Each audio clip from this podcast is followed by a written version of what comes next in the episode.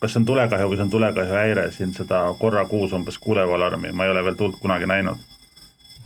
no minu teada standardprotseduur näeb ette, et äh, kui, kui heliseb teist korda, siis peab püsti tõusma ja minema majast välja. standardprotseduur ongi see, et kõik vaatavad aknast välja, et keegi ei jookse. Need, kes ei jookse, need pärast hüppavad. jah. ootame siis minuti kas, kas tuleb teine alarm ka või lõpeb see esimene ära?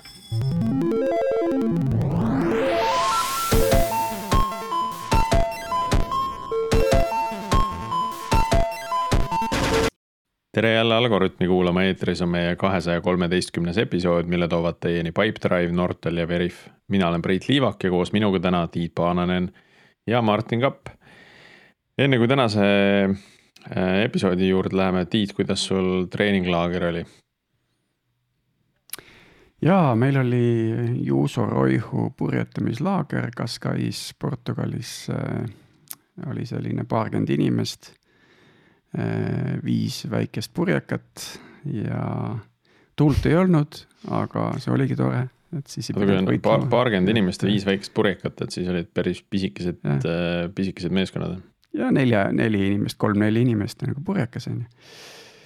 Ja no ikka lahe, selles mõttes, et ookeanilained, värgid et hing puhkas ja soovitan kõigile purjetamist, see on hästi-hästi tore. ja kui. ja Juuso on väga tore treener. täitsa, täitsa võõras, nii. ja Juuso Roihu läheb muide esindama paraku Soomet olümpiale. aa, ja siis äh, treenib sind niimoodi vabal ajal? Ei no ta treenib kõiki, kes soovivad. tõsine entusiast äh,. nii, aga tänasest episoodist ähm,. täna enne, tegelikult veel enne, kui me sinna päris lähme eh,, tahaks veel mõned eh, reklaamklipid siia sisse vahele susata eh,. et esiteks eh, promoksin endiselt meie disko, Discordi kanalit, Tiit on juba sealt palju abi saanud enda AWS-i probleemi lahenduse või ütleme, abilise leidis sealt, kes siis aitas ära lahendada selle probleemi ja tal, tal oli parim abi oli see, et ta küsis, oota, miks sa nii tahad üldse teha mis sul viga on, Tiit ja, ja lahendas ära mure. nii et äh, tulge liituge meie Discordi kanaliga, seal on nii äh, sellist äh, IT-maailma soppa kui siis ka nagu päris probleemide arutelusid. Ja teise asjana, mida ma tahan promoda, on meie kuulajaküsitlus, mis läks välja siin mõned päevad tagasi. ja Äh, lingi sellele kuulajaküsitlusele leiab nii meie Facebooki grupist kui siis ka meie Discordi kanalist. et äh, minge ja andke oma tagasisidet, on võimalik saada siis enda lemmikuid äh, külalisi siia, siia mõnesse tulevasse episoodi, kui siis ka ma ei tea, rändida nagu lihtsalt kõige teemal, mis, mis parasjagu hingel on et, et või, võib-olla siis me võtame selle rändi ja teeme sellest midagi muud äh, põnevat ja huvitavat. nii, aga nüüd, nüüd me saame jõuda lõpuks selle episoodini, mis on väga palju edasi lükatud. Äh, ja, ja nagu meie videovaatajad ilmselt juba äh, meie külalisest arvata võivad, siis me räägime taas Kubernetesest, ehk siis me teeme nii-öelda Kubernetes Vol kaks episoodi. Ja külas on meil taas Veriffi arenduskogemuse tiimi juht Siim Tiilen, äh, kellega siis äh, seda teemat avame, meil pidi olema ka teine külaline, aga tema äh, on, kuidas, kuidas öelda, käsipidi seotud Saudi Araabias ja kõige positiivsemas mõttes, ehk siis ei ole kuidagi seal pantvangis vaid, vaid on nagu tööga, tööga hõivatud olnud viimased kuu aega ja nüüd meil ei olnud enam võimalik episoodi edasi lükata. Äh, mistõttu me teeme selle, paneme kogu raskuse Siimu õlgadele ja Siim peab kõik keerulised küsimused ise ära vastama. nii, tere tulemast, Siim, sulle ka. tere, tere. tere, Siim, väga tore jälle näha üle pika aja. Ja äh, siia alustuseks ma võin juba öelda, et sellest kuulajaküsitlusest äh, paistab juba välja, et et äh, kui ma küsin seal äh, ühte kuni kolme lemmikepisoodi äh,, siis minu arust kaks vastajat on juba öelnud, et, et see Kubernetese üks episood, Kubernetese esimene episood on, on üks nende lemmikuid. ma ei tea, kas see on lihtsalt üks hilisemaid, mis on hästi meelde jäänud või, või see lähebki tõesti väga-väga korda inimestele, et igal juhul eelmine episood oli minu jaoks väga huvitav. ma usun, et ka tuleb seekord väga põnev vestlus nii, aga hakkame kuskilt otsast siis äh,, hakkame siis kuskilt otsast minema. et äh, ma mõtlesin, et alustaks äh, seekord siis äh, klastri äh, turvalisust, turvalisusest äh,, et äh,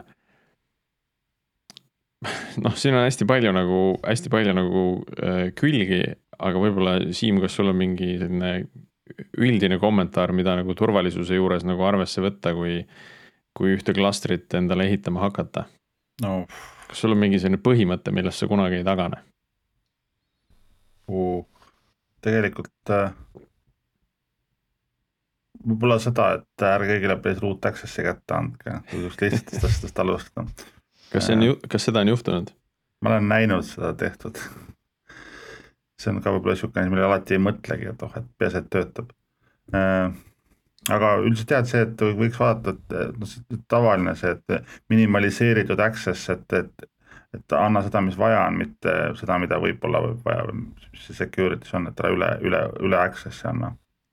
Et see on see väljaspoolt klastri seest, nagu sa räägid kasutajaõigustest ja muidu seal klastri sees, see on niisugune hoopis keerulisem maailm, et et by default enam-vähem kõik saavad kõigega rääkida klastri sees et eh, kui sa tahad, sa võid sinna ka mingisuguseid lisaleiereid, näiteks network policy'd või midagi panna, aga by default üldreeglina Kubernetese klastris asjad on suhteliselt lahtiselt, kõik räägivad kõigiga. aga kui nüüd, kui nüüd sellest kasutajate nagu maailmast äh, rääkida, et noh, siin, siin tundub nagu hästi palju halduskoormust äh, selle peale, et kui sul on äh, tulekahju. ma ei tea, kas see on tulekahju või see on tulekahju häire, siin seda korra kuus umbes kuulev alarmi, ma ei ole veel tuld kunagi näinud keegi ei tundu jooksvat ka, nii et looda, loodame, et see on lihtsalt häire, häiretest või midagi. no minu teada standardprotseduur näeb ette, et äh, kui, kui teine. heliseb teist korda, siis peab püsti tõusma ja minema ja, majast välja. standardprotseduur ongi see, et kõik vaatavad aknast välja, et keegi ei jookse siis ja jäävad paigale no.. Need, kes ei jookse, need pärast hüppavad. jah ootame siis minuti et kas, kas tuleb teine alarm ka või lõpeb see esimene ära? huvitav jah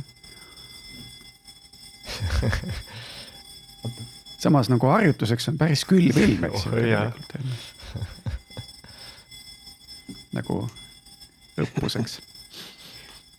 No ega tulekahju ilma ei vali, et peab õppust ka tegema nagu eh, elulähedastes tingimustes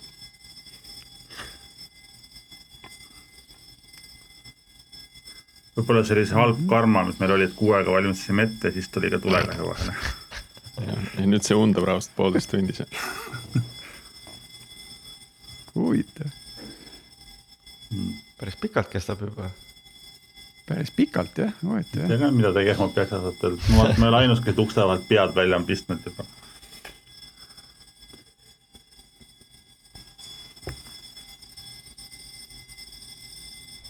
muidugi Siimu on üsna hästi kuulda ka selle väikse sirina taustal. jep äh,. vaikselt. ma vaatan, kas ma midagi lisemisse Slacki ei ole kirjutatud äh,. Nope, ainult pitsat jagatakse, rohkem pole siin mingit announcement. Okei, tule, lõpp, lõppes ära. oh yes. suurepärane nii, aga oota, me rääkisime sellest, et, et kuidas need õiguste värk, et kuidas praegu sätitud on, et kas see on nagu nii-öelda Kubernetese tasemel või on mingisugune väliagent, mis äh, defineerib? üldiselt see on äh, kahepoolne, et äh, kõigepealt sul on nende kasutajad, nii-öelda need Kubernetese kasutajad, see on see, et sul lokaalses seal selles Kubernetese konf failis on üldine kirjas need nagu klastrid ja igal klastril on nagu see, et mis õigustega sa neile saad see on see, see kontekst, mida sa oled võib-olla seal näinud kubsetteliga.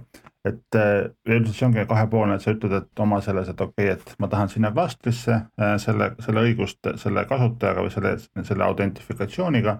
ja siis seal klastris peaks olema sellele üldiselt vastu defineeritud, okei okay,, et, et näiteks ütleme, et ma ei tea, et kui Siim tuleb või tõenäoliselt tuleb Siim mingi grupiga et siis äh, ta andke sellised õigused, selle jaoks on Kubernetesis klassis olemas need airbag policy'd, millega saad nagu defineerida, et okei okay,, et ütleme näiteks developerite grupile on näiteks, ma ei tea, võib-olla nad saavad lugeda igalt poolt ja võib-olla näiteks ühes namespace'is saavad näiteks kirjutada, midagi näiteks edit ida ja delete ida. aga näiteks samas, kui tuleb näiteks mingi admin grupiga, siis ta võib-olla saab kõike teha. et vaata, mis need, mis need põhigrupid nagu võiks olla, et eh, noh, et räägitakse nagu sellest, et üks, üks asi on see namespace'ide äh, namespace ides nagu administreerimise õigus on ju, aga siis on veel see klastri administreerimise õigus. Äh, et, et kas, kas neid peaks ka kuidagi nagu eraldi hoidma, et, et adminil on võib-olla kaks kontot, üks, millega ta käib nagu äh, haldamas äh, nimeruume A, B ja C on ju, ja siis mingi teine konto on täiesti selle jaoks, kui on vaja äh, klastri üleseid õigusi või klastri ülest uut admini nagu lisada, et selle, selle jaoks on mingi täiesti teine Aa. konto no millest ma alustuseks soovitaks, on see, et, et alati võib hulluks minna nende permission itega, alguses lihtsalt tehke kaks tükki. et üks on mingisugused admini õigused, mida kasutada ainult sihukeste eriliste asjade jaoks, teine on tavaline kasutajaõigused, millega saab nagu nii-öelda neid tavalisi asju teha, et et üldreegel sellisel juhul see arendaja ise kasutab, sellisel saad minna asutusega igapäevaselt seda arendaja õigust ja siis ta ehk näeb need arendaja probleemid kiiresti ära, sest lõpuks, kui sa Äh, lihtsalt kui sa ütled, et sa kasutad näiteks seda arendaja konteksti parajasti, siis sa oledki arendaja õigustega, selles mõttes saad ka ise ilusti testida. Ja seal AirBackis ka tegelikult on neid policy'd saab anda kahte moodi, policy'd saab anda kas namespace'i põhiselt äh, või klastri põhiselt, seal ongi see, et see, see oli see, me eelmises saates mainisime, et kui sul need megasuured namespace'id on, siis täpne policy võib mõnikord keeruks osutuda sinna. Samas palju namespace'e võib olla siukest kerget overspace tekitada, et sa pead igas namespace'is neid eraldi haldama. Okei. Okay., no nüüd ma nagu korra su sutsan sinna jälgitavuse nagu maailma sisse, et kuidas, kuidas üldse seda ülevaadet või kui lihtne seda ülevaadet on saada, et mis siis, mis siis täna nagu klastris toimub, et ma eeldan, et et eh, infosec'i tiim võiks olla nagu ka sellisest eh, noh, kui ma ei tea, raportist huvitatud, et sa saad nagu mingi väljavõtte, et millised kasutajad mul täna on, millistes õigustes, kes kuhu ligi saab. mitte lihtsalt, et millised nagu äh, millised õigused neil selles AirBaci mõttes olemas on, aga, aga päriselt, kes kuhu ligi saab nagu? Äh, no sellisel üldiselt, kui, kui, sellist infosec'i küsida, siis äh, ma lihtsalt vaataks, et mis õigused kasutajatele välja on jagatud, sellest et neid AirBaci confend'id sealt klassist üles otsida on suhteliselt keeruline, ma arvan, sa pead hakkama scrap ima namespace'i, mis ilmselt selle jaoks on mingi tool, aga ma ei oskagi praegu ühtegi peast öelda. Aga kuna lõpuks sul on mingi autentifitsioon välja jagatud arendajatele, mis iganes see on, kas mingisugune token või mingisugune OAuth based lahendus, et äh, sa võid vaadata, et nagu mis date'i nad üldse ligi saavad sinna. Mm.. no vot, selle kohta meil tuli peale esimest episoodi ka, ka küsimus, et et, et mis siis nagu see hea, hea lahendus on, et kui, kui nüüd see kubekonfigi äh, jalutama läheb arendaja masinas, et noh, et mida siis nagu teha annab, et äh, et kui on see OAuth'i äh, kasutamine sisse võetud, et siis äh, noh, see teoreetiliselt eeldab seda, et, et mingi, mingi aja tagant äh, nõutakse uut autentimist, on ju, ja, ja justkui midagi ei juhtu. kui ta nagu kogemata jaluta läheb just, et noh, kui arendaja ise teab, et ja läks jalutama, noh siis on lihtne, siis me reset ime selle kasutaja ära, on ju. teeme talle uue to token'i, aga kui ta nagu noh, kogemata jaluta, jalutama läheb, nii et keegi ei teagi, on ju et äh, kuidas nagu selliste olukordade vastu ennast äh, kaitsta? Äh, no alustuseks võib-olla isegi kui neist jalutavatest konfidest rääkides, alustuseks võiks see olla, et soovitavalt need Kuberneteste klastrite API node'id võiks olla väga piiratud ligipääs, ütleme, et saad neil ligimata oma kontorivõrgust ja VPN-ist, et siis kui nad jalutama lähevad, siis kellelgi teisel ei ole nende konfidega väga midagi peale hakata. aga muus mõttes, et et äh, mina siis tehke mingisugune, kasutage mingit sihukest OAuth põhilist lahendust, kus saad neid tsentraalselt hallata. et äh, kui me räägime suurtest cloud idest, siis no nemad kõik nagunii out of the box pakuvadki üldreeglina ainult sihukest lahendust. Google ja AWS, keda ma olen näinud, aga samas sa võid ka mingile lokaalsele klastri näiteks, äh, mu eelmises töökohas meil oli selle LTAP-i vastu pandud see out tööle, et see töötas ka selles mõttes väga ilusti. Nii, ja siis kõige lõpuks veel siia selle turvalisuse teema lõpuks, et kuidas sa klastrile ligipääsu soovitad teha? noh, et kas ongi, et kõik saavad vabalt ligi sellele, sellele klastrile, on seal mingisugune VPN ühendus vajalik või, või on mingi muu äh, lahendus, mida sa tead ja oskad pakkuda? mis mõttes kõik saavad vabalt ligi? no et, et, et kas see klastri, klastri masinad ise on nagu, nagu vabalt ligipääsetavad? Üldreeglina nad ikka ei tohiks olla niimoodi.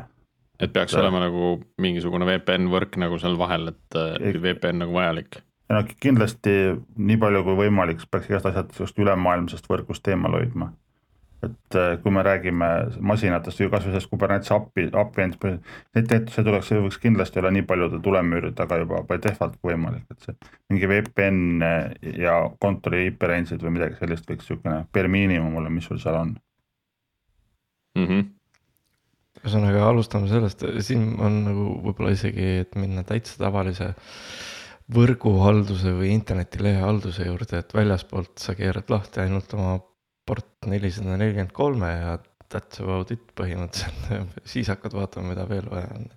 tegelikult äh, Kubernetes ei tohi, et see, et see, et see, ma arvan, et siin tasuks segama jäänud kahte asja, üks on sul, igal Kubernetes on API server, Kubernetes API server on see asi, millega sa suhtled Kubernetes, ütleme, kui sa kasutad, ma ei tea, kas mingit veebi interface'i uh -huh. või oma seda äh, kubesatell'i tool'i, siis sa räägid tegelikult, räägivad selle Kubernetes API serveriga et see API server tuleks kindlasti olla kõvasti restricted.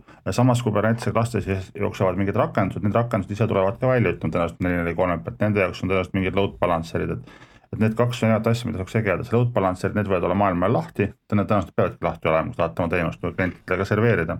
aga see API server on midagi sellist, mis kindlasti ei peaks maailma ajal lahti olema mm. -hmm. et siis ongi, et noh, et sul on nagu veebileht lahti ja siis aga on see siis nagu, see vist on nagu tänapäevaks ikkagi normaalne tava, et sul on sisevõrku saamiseks on tõesti ainult VPN-i port veel lisaks ja siis, kui sa jõuad ükskord läbi VPN-i sisevõrku, siis seal on sul võib-olla siis, võib-olla siis ligipääs admin liidestele ja asjadele. jah, ma arvan, et see on väga mõistlik mm. -hmm. mm -hmm. otse, otse ei õnneks või loodetavasti keegi ei lase väljaspoolt minna see on, see on ülikeeruline teema, sest äh, mul on endal üks, äh, üks NAS-i purk on siin nurgas ja siis äh, seal on noh, ka mõned teenused peal. ja noh, ikka käsi väriseb, kui nagu noh, midagi üldse nagu seadistada, et okei okay,, et üksikud asjad on seal avalikult, osad asjad on nagu sisemiselt. ja siis nagu noh, mõtled, et ei tea, kas ma tahan nagu seda kuskilt äh, mujalt maailmast ka üldse hallata, et kas ma hakkan sinna mingit VPN-i ise nagu püsti panema, on ju noh, ei tea, et parem, parem vist ei pane seda VPN-i. no Synologis on ju VPN olemas, et. mis asi on, kus on VPN olemas? Synologis, kui sul Synologi pulk on. seal on olemas see VPN, aga noh, ongi nagu, et. et kas ma peaks selle sisse panema, ma ei tea, noh, et hästi nagu ei, et, et ma proovisin, töötab, kõik on hästi, aga noh, et tegelikult ju ei ole vaja alati noh, ise kasutan üksi noh, et nagu võib-olla ma peaks nii tegema, et kui ma lähen reisile, siis ma lülitan sisse selle igaks juhuks. no aga võid mingi two-factor'i ka veel peale panna, teeb natuke turvalisemaks.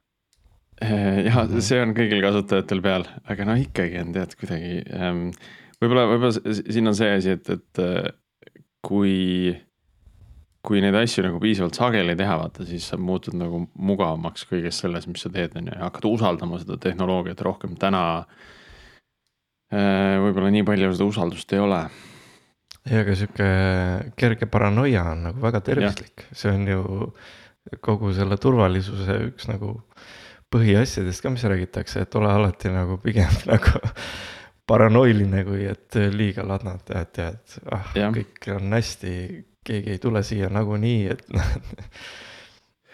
just, et, et, et väga hea on, kui sellist, sellist asja teha nagu ettevõttes kus taga on, kus taga on ka IT-tiim, kus taga on ka mingi infosec'i tiim, kellega nagu kokku tulla, maha istuda ja need asjad nagu läbi rääkida, on ju, kes saavad nagu enda, enda vaatepunkti anda, aga kui, kui seda asja peab üksi tegema.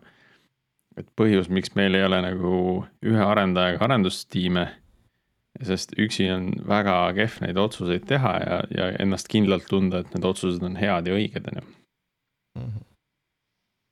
No kui me lähme tagasi korra selle nii-öelda selle Kubernetese liidestuse turvalisuse juurde, on ju.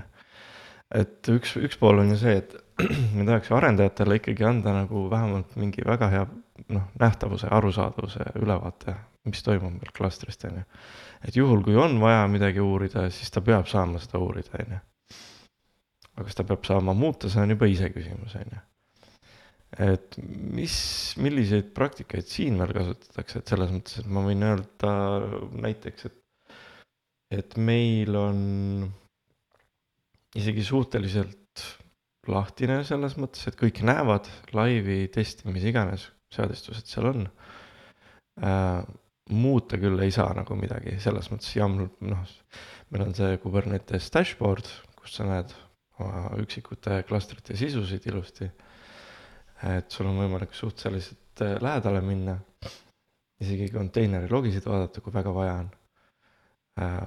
kuigi vist mitte päris kõiki aga, aga et, et kas meil on mingisugune sihuke universaalne või sihuke standard setup ka olemas, mida, mida võiks nagu soovitada, et. et mulle tundub, et äh, see natukene on noh. Et kuidas, kuidas kellelgi nagu mingi mõte või vajadus on, et teeme, teeme niimoodi. täpselt, mulle tundub, enne kui Siim vastab, et, et siin on iga vend on selle Kubernetese API otsa ehitanud täpselt mm -hmm. selle asja, mida ta arvab, et sinna peaks ja, tegema, et uh,.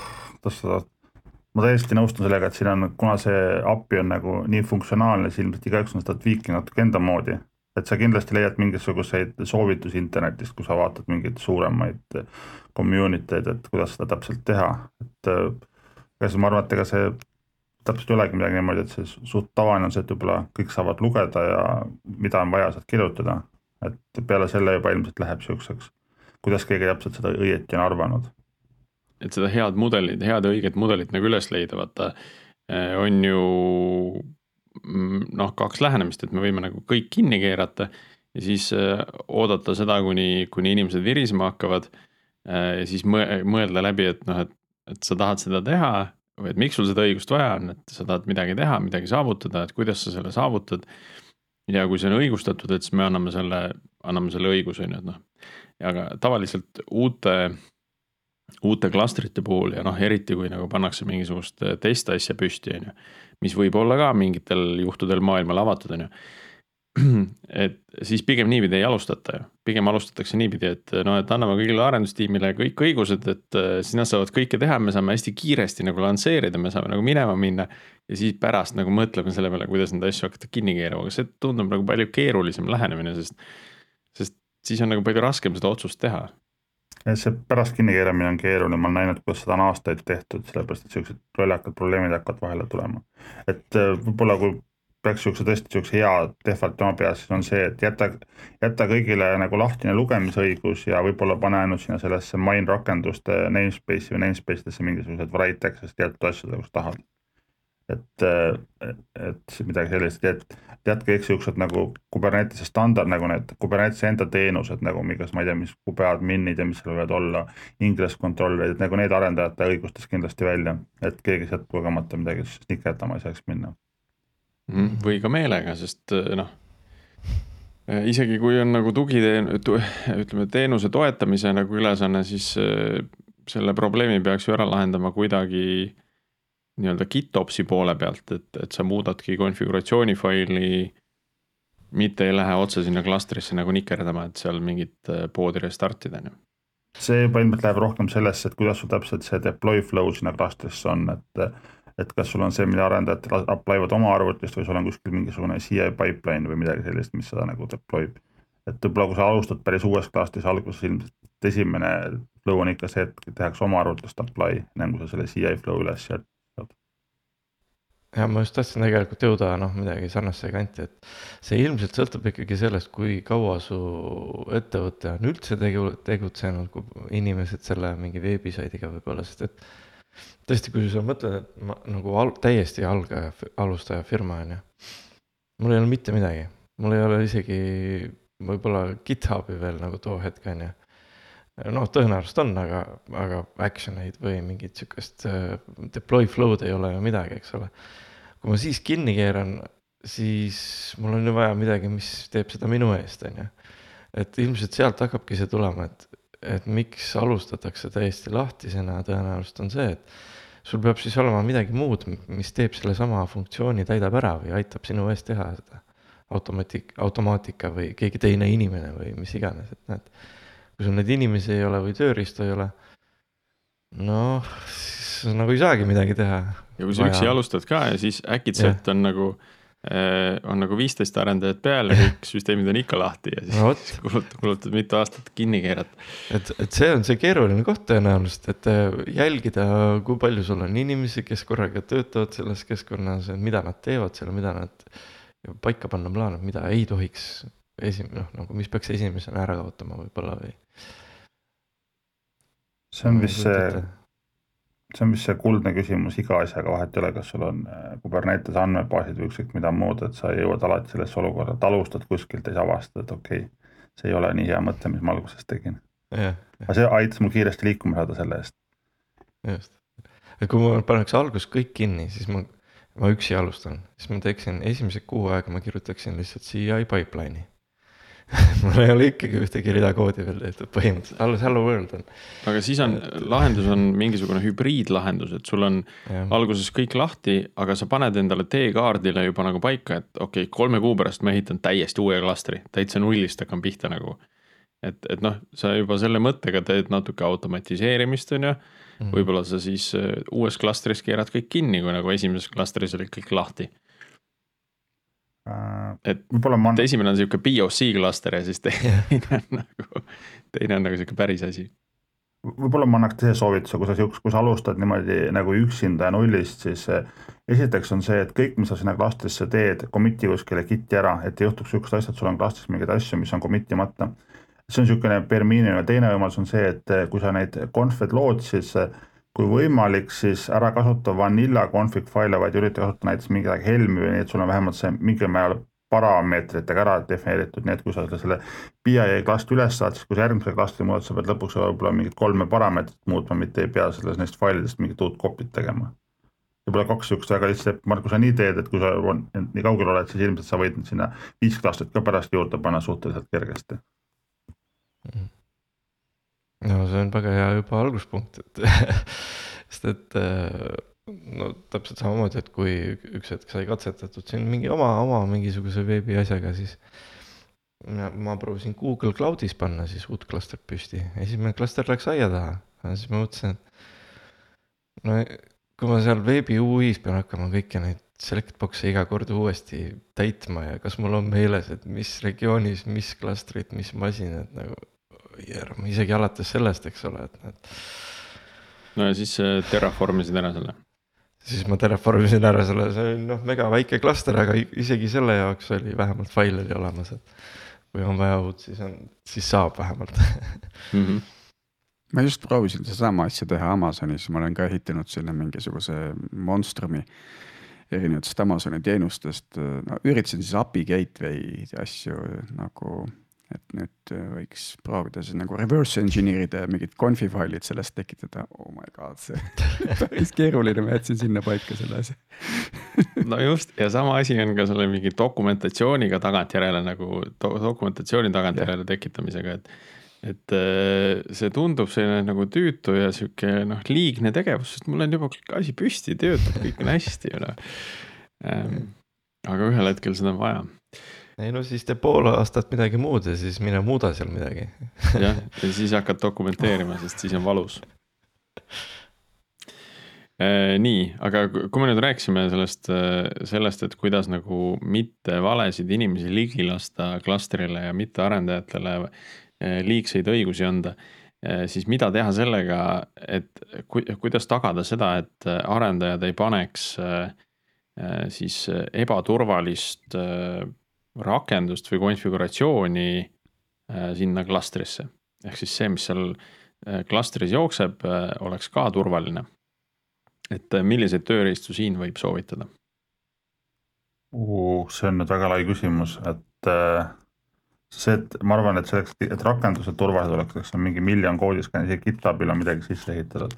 inimesed hoiatavad natuke, aga võib-olla eeldame seda, et sul on see rakendus Kuberneteses, et Kubernetesil endal on mingisugune suur ports igasugust security tool ingut, et no kõige rohkem on võib-olla see, et sa võid sinna näiteks mingisuguseid tulemüüre klastri sisse ehitada, kõige lihtsam on kasutada neid network policy'd, mis tulevad sinust out of the box'e, millel on tasuta versioonid ja tahad sult ilusti alas ütelda näiteks, et see rakendus võib tööd, võib rääkida ainult selle rakendusega näiteks sellest board'ist eh, või midagi sellist, et sihuke nagu väga lihtne network policy.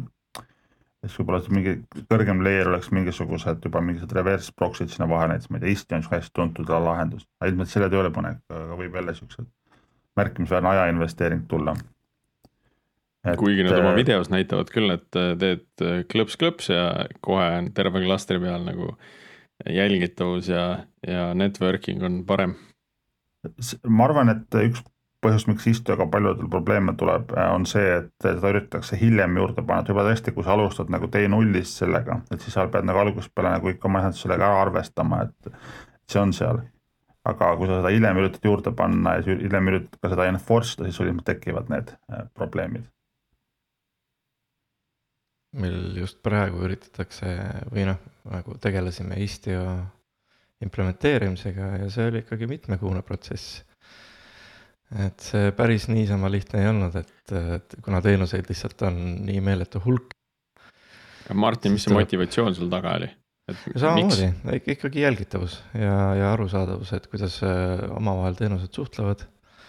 Ähm, ja noh, seal on, ma saan aru, vajaduselt ikkagi ka see, et on võimalik läbi lõigata mingisugused kanalid, kui väga vaja on või mm. -hmm.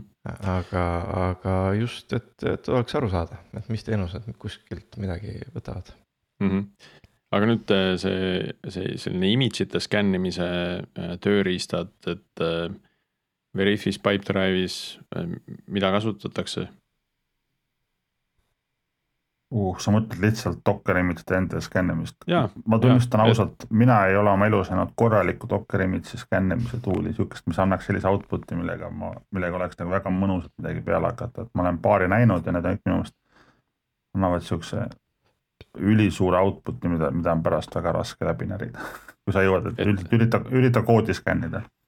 et neid valepositiive on liiga palju või mis, mis see on see? Okei okay. ähm,, et ühesõnaga ei olegi midagi sellist kasutusel?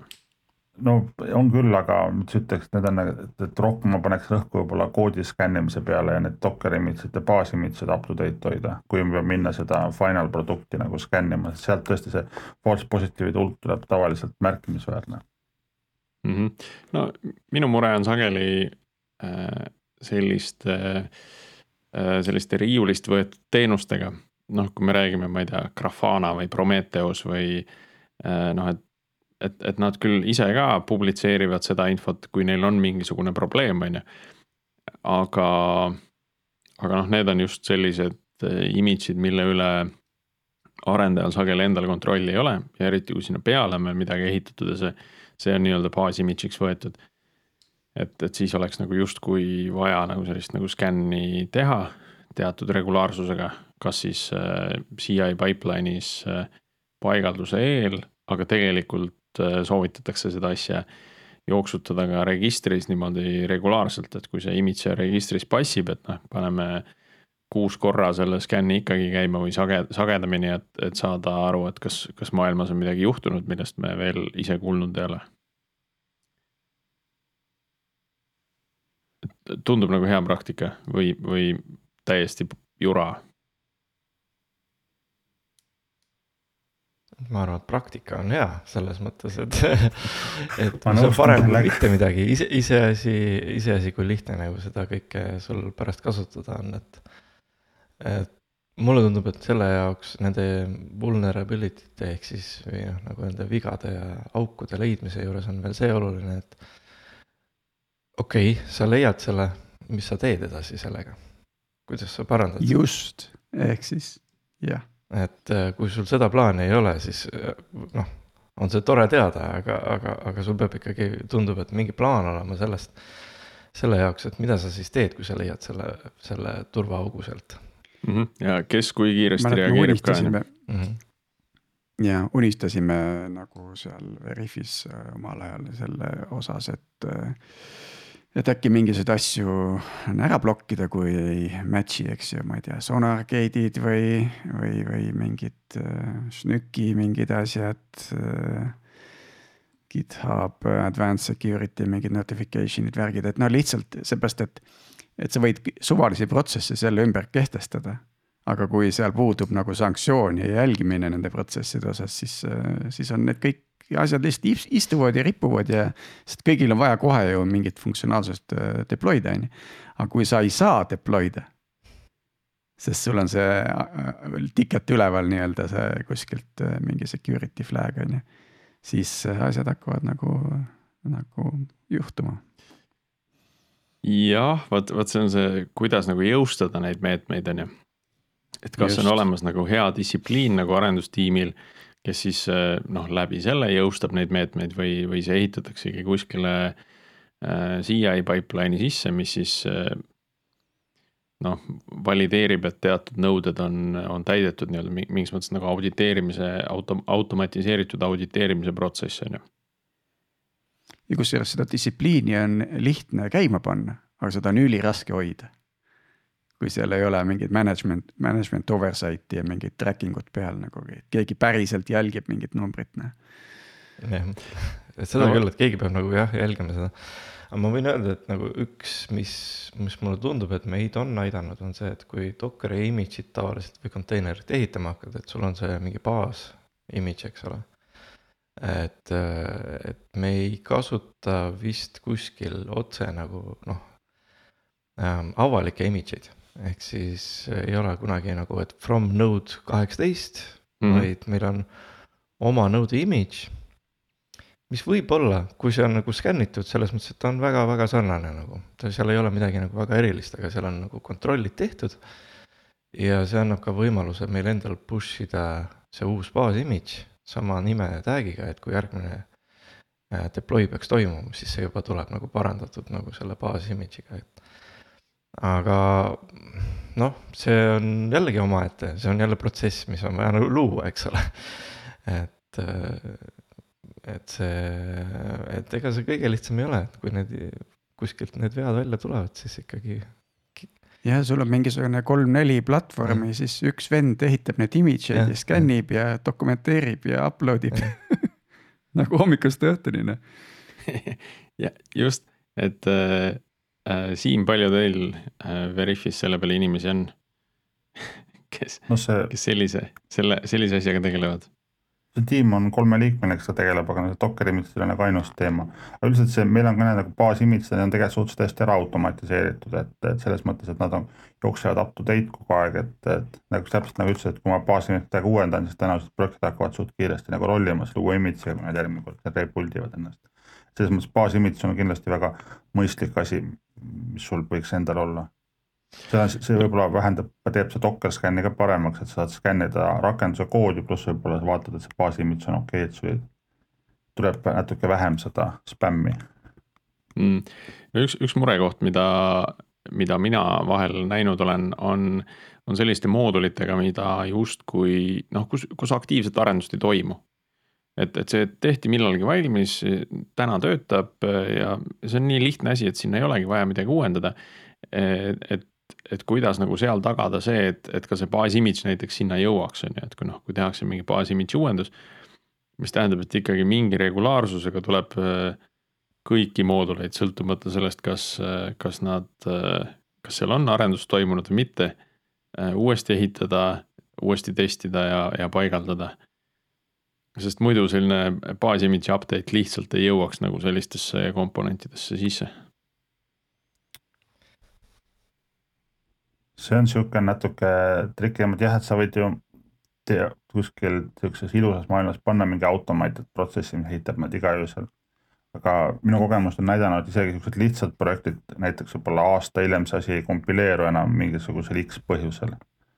et see, see on jah siukene seda saab, saab teha, aga see on kindlasti, nõuab oma koormust ja keegi, keegi peab sellega lõpuks vastutama selle eest, et see, kui see probleem juhtub, et sellega, sellega tegeletakse mm,. no see on ikka sama selline protsessi küsimus, et, et, et see juhtuks, on ju, mitte, mitte me ei võtaks neid komponente kui iseenesestmõistetavatena, et nad on seal olemas ja töötavad, et me ei pea nendega enam midagi tegema. et peab ikka küll, sest muidu nad lihtsalt võib-olla ühel hetkel see kompileerimisviga, mis sealt tuleb, on nagu lihtne, et järgmisel juhul on, on nagu vaja mingisugust uuesti, uuesti kirjutamist, et see asi üldse tööle hakkaks, seepärast et kuskil baasfunktsionaalsuses on mingid asjad põhimõtteliselt muutunud. Mulle meeldib see, et äh, mis noh, nagu viimases hädas mulle tundub, et meid praegu, kuigi ma ei tea teenuseid, mida, mida nagu noh, mis, mis lähevad üles ja ongi üleval niimoodi noh, mingi aastaid, eks ole, et sihukest äh, ma vist, vist ei tea, et meil oleks õnneks. aga, aga meil on, kuna meil on Node'i põhine kõik, on ju, ja Node reliisib iga pooleteist aasta tagant vist on või, või, või mingi, neil on mingisugune väga kindel tsükkel, millal tuleb uus Node'i versioon välja. ja täpselt sama tsükliga lähevad vanad äh, siis aktiivsest arendusest välja. Ja see on viimane hetk, kus tiimid saavad omale ticket'id, et oma teenused ära migreerida uuele versioonile ja see et kui nad ei ole jõudnud nagu oma mingeid asju selleks ajaks ära upgrade ida et siis see on küll see, et kus juba infosec ja, ja kõik siuksed astuvad vahele, et teate, mehed. et tehke oma asi korda mm,. Upgrade'ige see põhi ära ja, ja see juba tavaliselt siis nagu nõuab seda, et sa uuendaksid igast kõik sellega seotud asjad ka ära, et. Et see, see niisama noh, võib-olla lihtsalt käib, aga kui sa ei ole selle teenusega kokku puutunud jupp aega, siis tõenäoliselt see on see hetk, kus sa pead seda veidike nagu kohitsema ja hoolitsema selle eest. Et mm, -hmm. et vähem, vähemalt see on üks asi, et kui, kui, kui noh, see on küll väga pikk tsükkel, aga vähemalt, vähemalt on olemas. No sellist äh, distsipliini aitab väga hästi tagada äh, parem jälgitavus, et mida parem on jälgitavus, kui sul on väga ilus dashboard, hea dashboard äh, ja inimesed kasutavad seda, siis, siis noh, siis ka juhtuvad asjad, on ju, et sa näed, et ma ei tea, üks teenus on ajast maha jäänud mingil X põhjusel või. Äh, või üks teenus kasutab liiga palju süsteemi ressursse, et noh. siis see tõmbab tähelepanu, sellega hakatakse tegelema või sellega, selle, sellega saab tegeleda. Äh, räägiks sellest poolest ka, et, äh, et, et kuidas ühte üldse, kuidas ühte klastrit üldse monitoorida, et, et saada aru nagu, mis seal sees toimub. noh, Kubernetes ise, kui sinna Prometheus külge panna, seal on, seal on vist Kubernetesel on mingid äh, sisse ehitatud meetrikad, mis, aga neid on hästi palju. või, või, või oli see mingi lisamoodul või Siim, Siim, sa tead kindlasti öelda. et kas see oli nagu vaikimisi, ta annab mingit äh, Prometheuse äh, putru välja või, või sinna tuli nagu mingisugune klots külge panna, et see, need meetrikad jooksma hakkaks? sinna tuleb klots külge, mingisugune mingi meetriks mooduli või mingisugune, sa pead eraldi jubina juurde installima, mis, mis nagu expose ib need meetrikad, näiteks alamaid ja näiteks palju mingi pool võtab CPU-d või memory't. ja siis kui Prometheus on tegelikult midagi, mis scrap ib seda ja siis salvestab seda kuskile maha, et minu meelest by default Kubernetesel üldse ei ole seda osa nagu. Sellest tuleb midagi juurde panna, mul ei tule, mul ei tule see nimi meelde, aga no sellel jääb kergesti üles kuskilt Prometheusi dokidest, mis sinna juurde tuleb panna mm. -hmm. aga huvitav, et kui, kui palju on nagu jälgitavalt sellised äh, Äh, policy'te rakendamised või kui palju seda üldse tehakse, noh näiteks äh, hästi lihtne asi, et, äh, et iga konteiner mm, või iga deployment siis defineeriks endale mingid ressursipiirid, on ju. Noh, üks variant, me rääkisime ka eelmine episood, et seda saab teha siis Helmi kaudu, on ju, et sa panedki mingisugusesse baas template'i juba sisse, et, et on, ma ei tea, neli CPU-d ja Äh, kaheksa giga mälu, on ju, ja noh, siis see läheb nagu default kõigile peale, kellel on vaja rohkem, see siis küsib juurde äh, enda nii-öelda custom conf'is, aga. aga et kas seda on võimalik ka kuidagi nagu monitoorida, et äh, mitte seda, et kui palju ta päriselt kasutab. Aga seda, et, et, et sellised reeglid oleks kõikidel, kõikidel deployment itel nagu olemas, et nad ise defineeriksid enda vajadused, et ei oleks kuskil ühtegi nii-öelda metsikut paigaldust, mis mis ei ütle mitte midagi ette ja kasutab nii palju, kui tarvis on. seda peaks saama väga kergesti mingitest äh, Prometheus või mingitest suvalise asjaga dashboard'is välja vaata, et, et pool rakendust oleks defineeritud need request ja limit'id küljes. Pluss sa võid panna mingid namespace'ide põhised default'id ka näiteks alati, ütleme, et kui sa ei defineeri, siis sa saad siuksed asjad omale külge aga noh, kas see on üldse mingi mõistlik asi, millega nagu võiks tegeleda, et et, et mingis mõttes see on nagu selline policy enforcement on ju. et sa üritad jõustada mingeid reegleid läbi selle, et adminina monitoorid nende reeglite äh, järgimist siis. Või, või see on nagu selline asi, et äh, mis peaks kuskil mujal ära lahendatama Äh, ma ütleks seda, et neid request numbreid tuleks kindlasti, et, et, sisuliselt see, kui palju see rakendused ressursse küsivad ja kasutavad, sõltub otseselt sellest, kui palju see klaster maksab. et lõpuks need CPU-d ja memory core'id on ju tegelikult kõik, mis lähevad, tulevad su pangaarvelt maha, vahet ei ole, kas sa otse või maksad mingile cloud'ile. et selles mõttes need, nende numbritega tuleks kindlasti hoolikalt tegeleda. et muidu sa võid ennast ema, emaseks maksta nii-öelda mm. -hmm Äh, nii. see on juba iseküsimus, eriti kui sul on mingi kolmas kuskil osapool pakub seda pilve. et, äh, et me räägime siin arendusest, eks ole, aga keegi kuskil alati loeb ju raha ka, eks ole. et okei okay,, arendus maksab, arendajad maksavad, aga serverid ka maksavad, on ju. et äh, kuidas seda visibility't äkki üldse nagu mõõta, et kui sul teenus kasvab, klaster kasvab, ressursse on juurde vaja, tuleb uus featuur, uus äh, mingisugune värk, millel on rohkem ressursse vaja. Ähm, et, et seda, et seda kulu ka nagu kontrolli all hoida ja mõõta üldse. Martin, selle jaoks on need kõik need sada teenust, kes iga nädal neid reklaamkirju saadavad ja lubavad ja. pilvekulusid optimeerida ja, ja, ja ühesõnaga, et, et kui sa tahad kokku hoida, siis maksa kellelegi. jah, siis maksa neile ja annad neile admin ligipääsud ja siis nad äh.... just. kas, kas keegi on neid kasutanud üldse, on, on mingit kogemust? sest ma, ma reaalselt saan iga nädal nagu ühe sellise, kes lubab minu pilvekulusid nagu viiskümmend protsenti koomale tõmmata. ja siis tundub, et noh, et tegelikult meil on endal ka see kompetents nagu olemas, et natuke siin analüüsida, kuhu see kulu läheb ja siis äh, optimeerida, et, et mul nagu ei ole usku, aga on keegi nagu kasutanud või lasknud mõnele klastrile ligi, et, äh, et proovida. ei no vot, kui meie kuulajatel mõnel on äkki kogemus mõne sellise ettevõttega, kes äh, lubab suure suuga viiskümmend protsenti kulud kokku hoida ja et, et siis äh, jagage näiteks meie. Discordi kanalis, et kas, äh, kas päriselt nagu need asjad töötavad ka või, või see on lihtsalt äh, äh ilus müügijutt. ei, seda oleks tõesti äge. aga ma mäletan Veriffist, et, et mõne teenuse ümberkirjutamine tõmbas kuskil kakskümmend korda alla seda kulu. Just mõne koha peal lihtsalt numbrite fix imine aitas seda juba kümme korda parandada, kus oli, kus oli nagu jõhkralt üle pandud lihtsalt mm. -hmm, et tasub nagu analüüsida, kuidas, kuidas üldse nagu see ühine keel äh, adminide ja, ja, ja arendustiimide vahel äh, leida. noh, et äh, admin ühelt poolt nagu näeb seda, et, et kui palju ressursse on küsitud ja kui palju nagu reaalselt tarbitakse läbi aja või, või on see midagi, mis tegelikult arendaja ise peaks jälgima arendaja võiks soovitavalt seda vähemalt ise näha kuskilt, võib-olla mingi korra kvartalis käia silmad peal, et meil on nüüd mingi lihtne dashboard, mis ütleb ära, et talle teenus kasutab nii, küsib nii palju, kasutab nii palju, näed, nii palju vestib. ja siis sealt saad, adminid aeg-ajalt võtavad sealt need top rakendused, lähevad, pingivad tiimi, et kuulge, tehke, tehke midagi. Aa, et on kohe sihuke raport olemas, mis andmed, andmed kätte annab ja selleks oli hinnasilt vist isegi juures äkki, et ma ei tea, et näiteks sinu rakendus maksab kümme tuhat eurot kuus, et näed, no näed, viis tuhat sellest on raisatud, et palun fiksi ära. no mm -hmm. see oleks juba väga hea motivatsioon nagu arendajatel liigutada kuskil. jah, aga mille peale see ehitatud on, see on mingi täitsa custom asi või see on pilveteenuse pakkuja poolt mingi raporteerimise võimalus?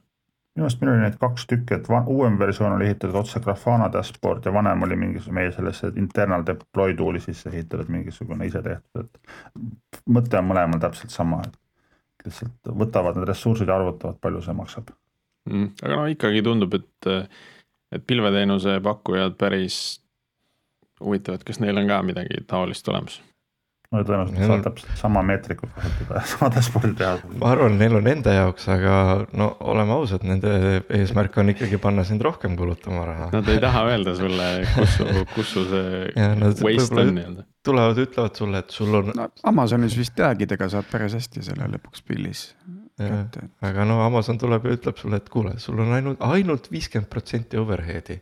oled sa kindel, et sa järgmise spike'i üle elad, et noh ja jah, et ole valmis, igaks juhuks võta veel mõned masinad juurde. nii, ähm, ühe teema võtaks siia episoodi lõppu veel. Äh, ja see on just selline saladuste evitamise ja, ja, ja kasutamise teema, et eelmine episood me rääkisime sellest, äh, äh, kuidas siis ähm, noh, ka saladusi võib panna näiteks Node'i tasemele sisse, eks ole, kuidas üldse nagu saladused äh, nende rakendusteni jõuavad. aga, aga täiesti rääkimata see roteerimise pool, et kuidas neid, kuidas neid asju nüüd roteerida.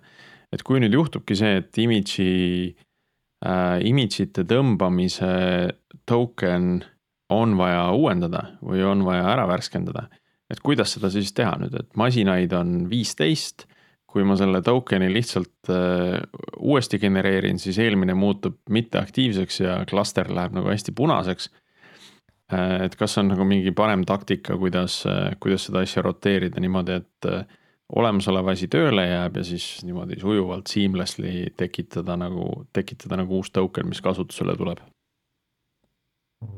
kas need tokenid peavad nii eksklusiiv olema, et uus killib vana ära kohe? Tõenäoliselt võiks kaks samal ajal olla mõnda aega. no et, et see võikski olla see lahendus, on ju.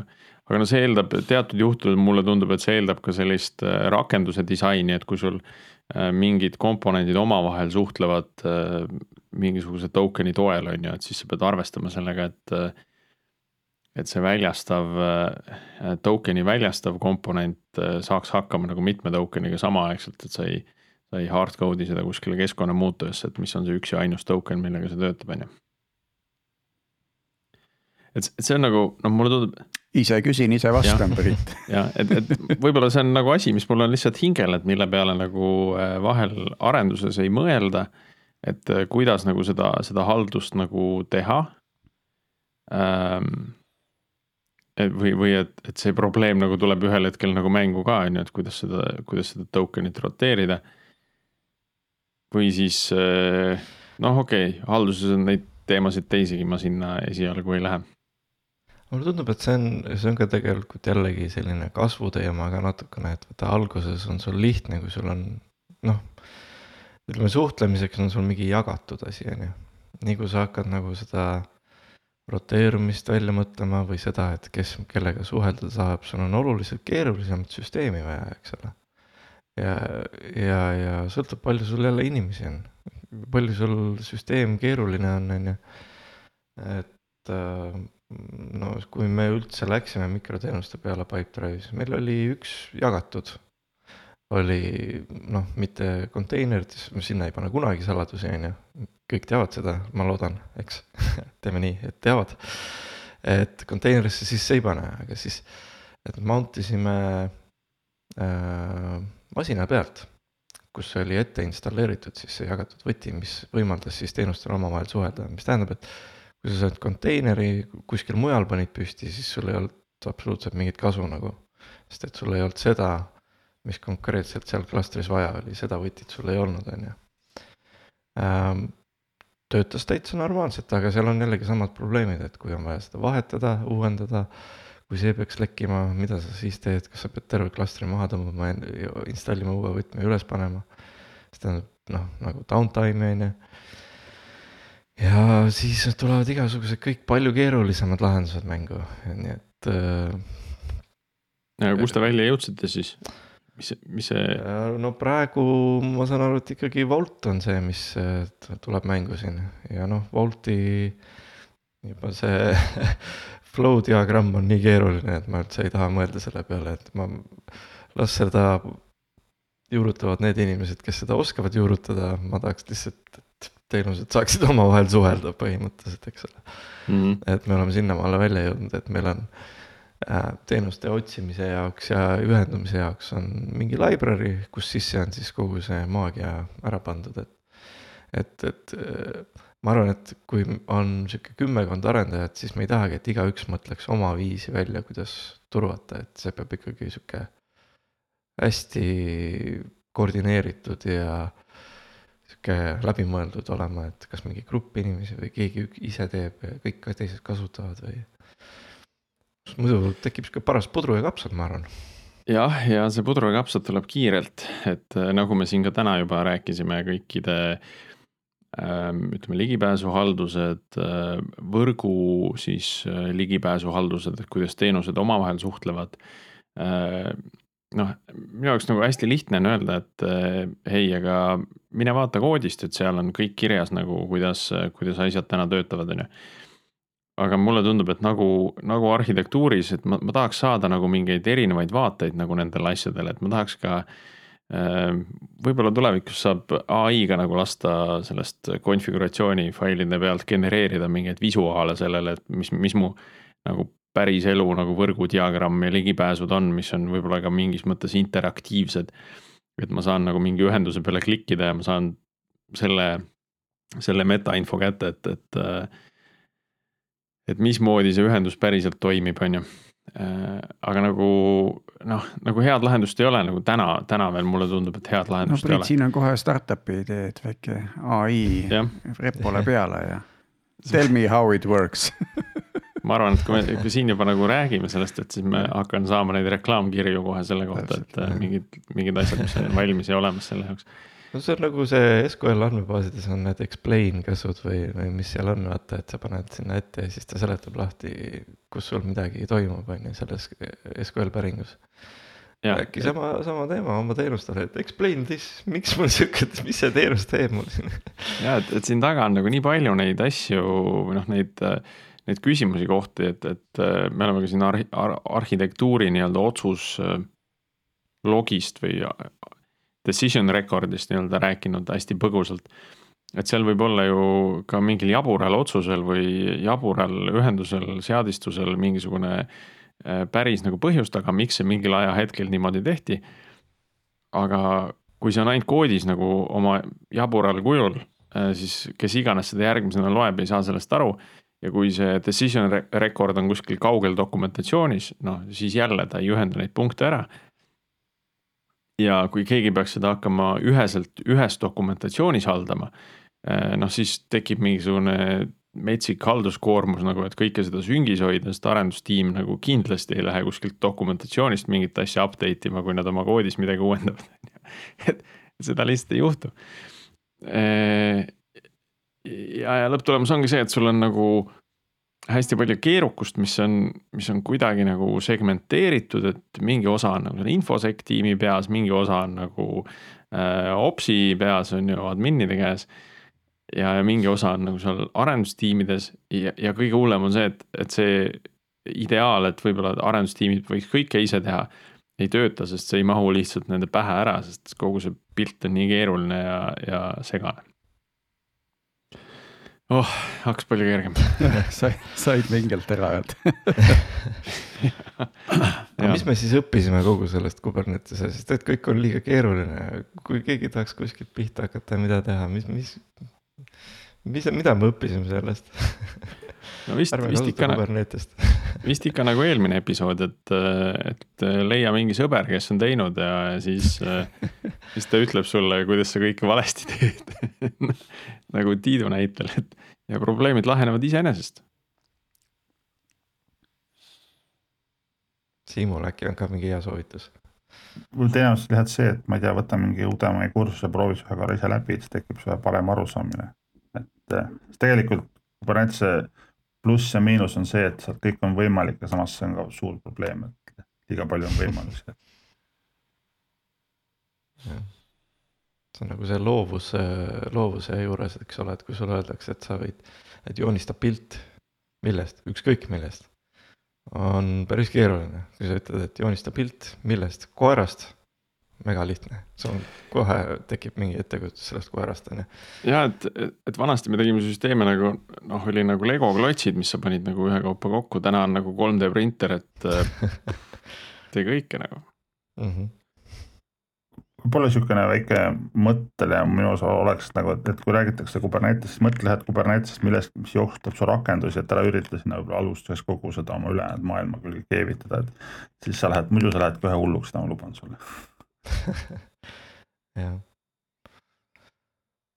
ja noh, teine asi on muidugi see, et tasub ilmselt enne tunda äh, Dockerit iseseisvalt ka, et mis asi on Dockeri image, kuidas neid ehitatakse ja mis nende nagu tugevad ja miinused on, sest et ega Kubernetes on ju lihtsalt asi, mis ka nagu töötab Dockeri peal. ma siia lõppu tahaks Siimu käest. konteinerid käima. Siimu käest küsida seda, et Kubernetes on nagu praegu nagu kinda de facto standardiks saanud pärast siin mingit äh, Docker Swarmi ja mingeid muid virtualiseerimise kihte, mis on olnud, eks ju, et äh, kas sul, Siim, on aimu, mis nagu järgmine asi on mm.? ma ei tea, kui paar aastat õigem, ma äkki oleks serverless öelnud, aga praegu ma isegi ei oska pakkuda. mis see võib pärast dok-, mulle ei tundu, et praegu keegi üldse tõsiselt challenge'iks neid selle koha pealt. No veidi täidavad, noh, ütleme serverless vahepeal justkui, justkui nagu challenge'is. aga tegelikult nüüd on rohkem aru saadud, et see täidab nagu teist eesmärki. et ta on olemas, ta võib seal kõrval eksisteerida, aga ta ei, ta ei asenda kindlasti ja noh, igast orkestraatorid on toredad, äh, aga tegelikult nad ju lihtsalt seadistavad Kubernetes sinu eest. et keegi otseselt vist ikkagi ei ürita Kubernetest asendada mm. -hmm. nii, selle turvalise mõttega ma arvan, et tõmbamegi tänasele episoodile ka joone alla äh,. jälle hästi keeruline teema, äh, aga usun, et äh, et me kõik saime pisut vähemalt targemaks selles osas, mida siis äh, turvalisuse ja turvalisusega seotud teemades võib-olla tulevikus teistmoodi teha. Et nüüd tõttame kõik oma esimest Kubernetese klastrit ehitama, mille me saame siis ära visata, et äh, nii-öelda kätt harjutada. et see, see on hea, hea soovitus igal juhul, et millegagi, millegagi mängida, mis on nagu peaaegu, äh, peaaegu toodangu valmis. võib-olla isegi pange internetti avalikult, aga, aga ärge siis tundlikke andmeid sisse pange, et, et see oleks ka nagu, see on ka nagu selline. Või, või tegelikult ärge pange, see krüptokaev tuleb kindlasti hästi kiiresti peale, siis läheb see arve hästi suureks ja siis pange need billing policy, pange hästi range. Aga ühesõnaga, et minge harjutage, et seda on vaja, üks klaster on vaja ise maha põletada, enne kui, enne kui aru saate, mida tuleb nagu järgmine kord teistmoodi teha. Äh, aitäh, Siim, äh, aitäh, Tiit ja Martin, aitäh meie kuulajatele, tulge liituge meie Discordi serveriga, Facebooki grupiga, vastake kuulajaküsitlusele ja endiselt ootame häid ideid teemade osas äh, aadressile podcast.algorütm.ee ja jääme kuulmiseni taas järgmisel nädalal.